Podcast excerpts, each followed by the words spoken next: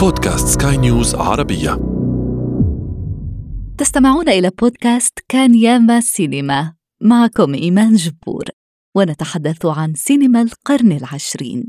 وكما يقال في قاموس السينما. أكشن كان ياما سينما.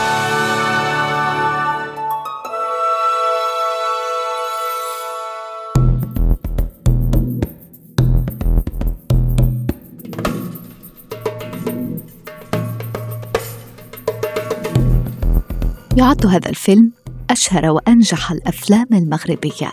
حقق إقبالا منقطع النظير. لم تشهد له السينما المغربية مثيلا إلى اليوم علما أنه صدر في العام 1993 يحسب له النقاد أنه كان أول شريط سينمائي مغربي صرح المشاهد المغربي مع الإنتاج السينمائي المحلي.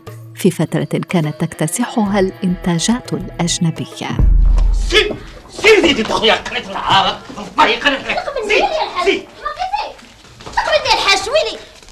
الحاج ويلي حماقتي ويلي استغفر الله وقفاني قدام الحمل عريانة والضحك والتشرغيل والتحلوين. وكتقول لي واش حماقيت وشكون اللي غادي يحمقني من غيرك انت؟ تدور أحداث الفيلم في مدينة فاس حيث يعيش الحاج أحمد بن موسى. يجسد دوره البشير سكيرج. تاجر مجوهرات ميسور متزوج بثلاث نساء. آخرهن شابة جميلة لكنها أيضا لعوب متمردة. تثير المشاكل فيقرر الحاج تطليقها بالثلاث. ثم يندم بعد ذلك فعشقه لها كان أقوى من منطقه. يريد أن يعيدها لذمته لكن الأمر بات عويصا الآن إذ تقتضي الشريعة الإسلامية أن يتزوجها رجل آخر المحلل كما يعرف. لكن الأمور لا تسير كما كان مخططا لها. الزوج المؤقت الذي اختاره الحاج لهذه المهمة اختفى في الطبيعة انقطعت أخباره قبل أن يطلق هدى تضعنا مشاهد الفيلم في قلب الحياة اليومية في المجتمع المغربي ببيوته العتيقة وتجاره وخبازيه وجزاريه وخياطيه نلج بيتا مغربيا تقليديا في فاس العتيقة منزل الحاج بن موسى الذي تزين جدرانه الفسيفساء واللوحات الفنية سيداته الثلاث بقفاطينهن المغربية التي تعكس نمط عيشهن التقليدي تحت سلطة رجل لا لا يوصلك لذاك النهار يا لقط الشرف. لا لا حبي هاجي لي تسمعي. اشوقا العقوش. قال لك باغي يعاود يتزوج. راكي ان شاء الله تزوج بعيشه قنديشه عباد الله تكلموا غير بشوية. ثلاث زوجات ينتمين لأجيال مختلفة. نستدل عبرهن على التغييرات التي تطرأ على الطبقه المتوسطة والمجتمع المغربي عموما. الزوجة الأولى لالا حبي التي تلعب دورها أمينة رشيد. تحظى بقدر كبير من الاحترام داخل البيت حتى من قبل ذرتيها. ثم هناك الزوجة الثانية لالا ربيعة. وتجسدها نعيم المشرقي والتي تمكنت من منح الحاج أبناء ذكورا على عكس لالا حبي ثم هناك هدى الأخيرة العشرينية وتجسدها منى فتون بمقاربة كوميدية سلسة يقدم لنا المخرج عبد الرحمن تازي مواقف وقضايا اجتماعية تحمل العديد من الدلالات المتناقضة. الحاج بن موسى الرجل المزواج الغيور يطلق زوجته من وقع غيرته عليها ثم يجد نفسه مرغما على تزويجها برجل آخر. والتاجر الميسور مثل القوة والرجولة خارج البيت يتحول إلى طفل صغير داخل البيت أمام زوجته هدى هدى التي تخضع لقواعد مجتمع يدفعها إلى الارتباط برجل يكبرها بعقود حتى تتمكن من إعالة أسرتها. مشهد الطلاق تحفة من كوميديا الدهاء. عبقرية مخرج يقدم لنا جولة ساخنة من لعبة تنس كلامية بين هدى والحاج بن موسى وبينهما لالا ربيعة الزوجة الأخرى الرصينة التي تحاول تهدئة النفوس. لكن كل كلمة من هدى كانت تترك الحاج مذهولا عاجزا عن الكلام يذرف الدموع في حضن أكبر زوجاته لالا حبي.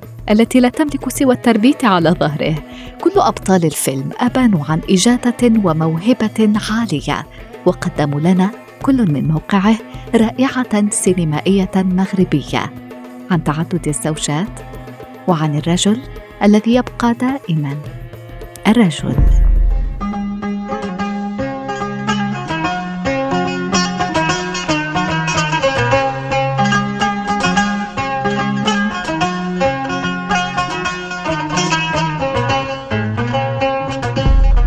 الناقد السينمائي عادل السمار تسعدني استضافتك معي. عندما نتحدث عن أشهر نجاحات السينما المغربية يبرز بشكل تلقائي فيلم عبد الرحمن التازي البحث عن زوج امرأتي.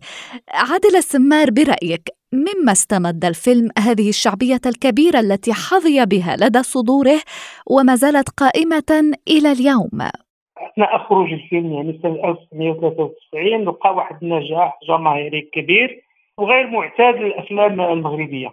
أنا حضرت العرض الأول للفيلم حينها وكنت كتبت مقالا يعني بالفعل أنه كان واحد التفاعل واحد إقبال كبير مع الفيلم في القاعات السينمائية. كانت واحد الظاهره اللي ربما أنه كان مولد لما يسمى من بعد ولا في السينما المغربية لفيلم عائلي يعني كنا كنشوفوا عائلات بإكمالها. تذهب لمشاهدة في هذا الفيلم أحيانا أكثر من مرة.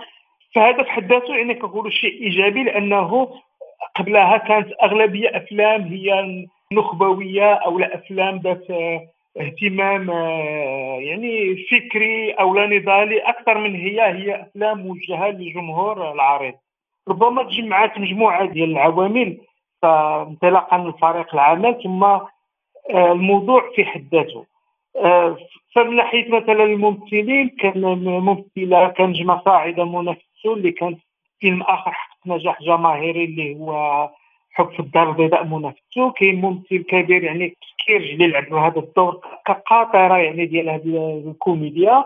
ثم ممثلات كبار أمينة رشيد نعيمة المشرطب الموضوع ديالو أيضا هو حول المرأة والمرأة يعني بشكل أو بآخر دائما كانت يعني تنشط العمل السينمائي. فبالتالي هذا فيلم يعني جذب جمهور كبير وخلق نقاش كبير داخل آه، المجتمع من حيث الموضوع المتناول أثار نقاش حول موضوع تعدد الزوجات. من خلال قصة يعني الحاج بن موسى اللي هو يعني رجل ثري ولكن في نفس الوقت هو يعني واحد الرجل يعني هذا المزواج والغيور والانفعال ديالو كيأدي انه تطلق المرأة الشابة ولكن في الحقيقة إذا تأملنا الفيلم يعني آه، اليوم كذلك كنشوفوا هذا النقاش الذي كان أثاره الفيلم بنوع من المسافة. فهذا الموضوع اللي أثار نقاش آه، حينها. حين نتأمله الآن. حقيقة هو الموضوع الفيلم لم يتناول تعدد زوجات في حد ذاته. كذلك يعني لم يكن لأجل يعني الاستنكار أو إثارة هذا الموضوع بقدر ما هو استثمره بشكل درامي ليخلق منه مفارقة آه كوميدية. كوميديا اجتماعية تناولت الموضوع يعني من ضمن واحد المنظومة اجتماعية محافظة لأن الفيلم يركز أكثر على إشكالية الحاج بن موسى لاسترجاع زوجته الشابة ويتعاطف معه أكثر من مساءلة موضوع تعدد الزوجات في حد ذاته. الناقد السينمائي عادل السمار. شكرا جزيلا لك. مستمعينا الكرام إلى العدد المقبل.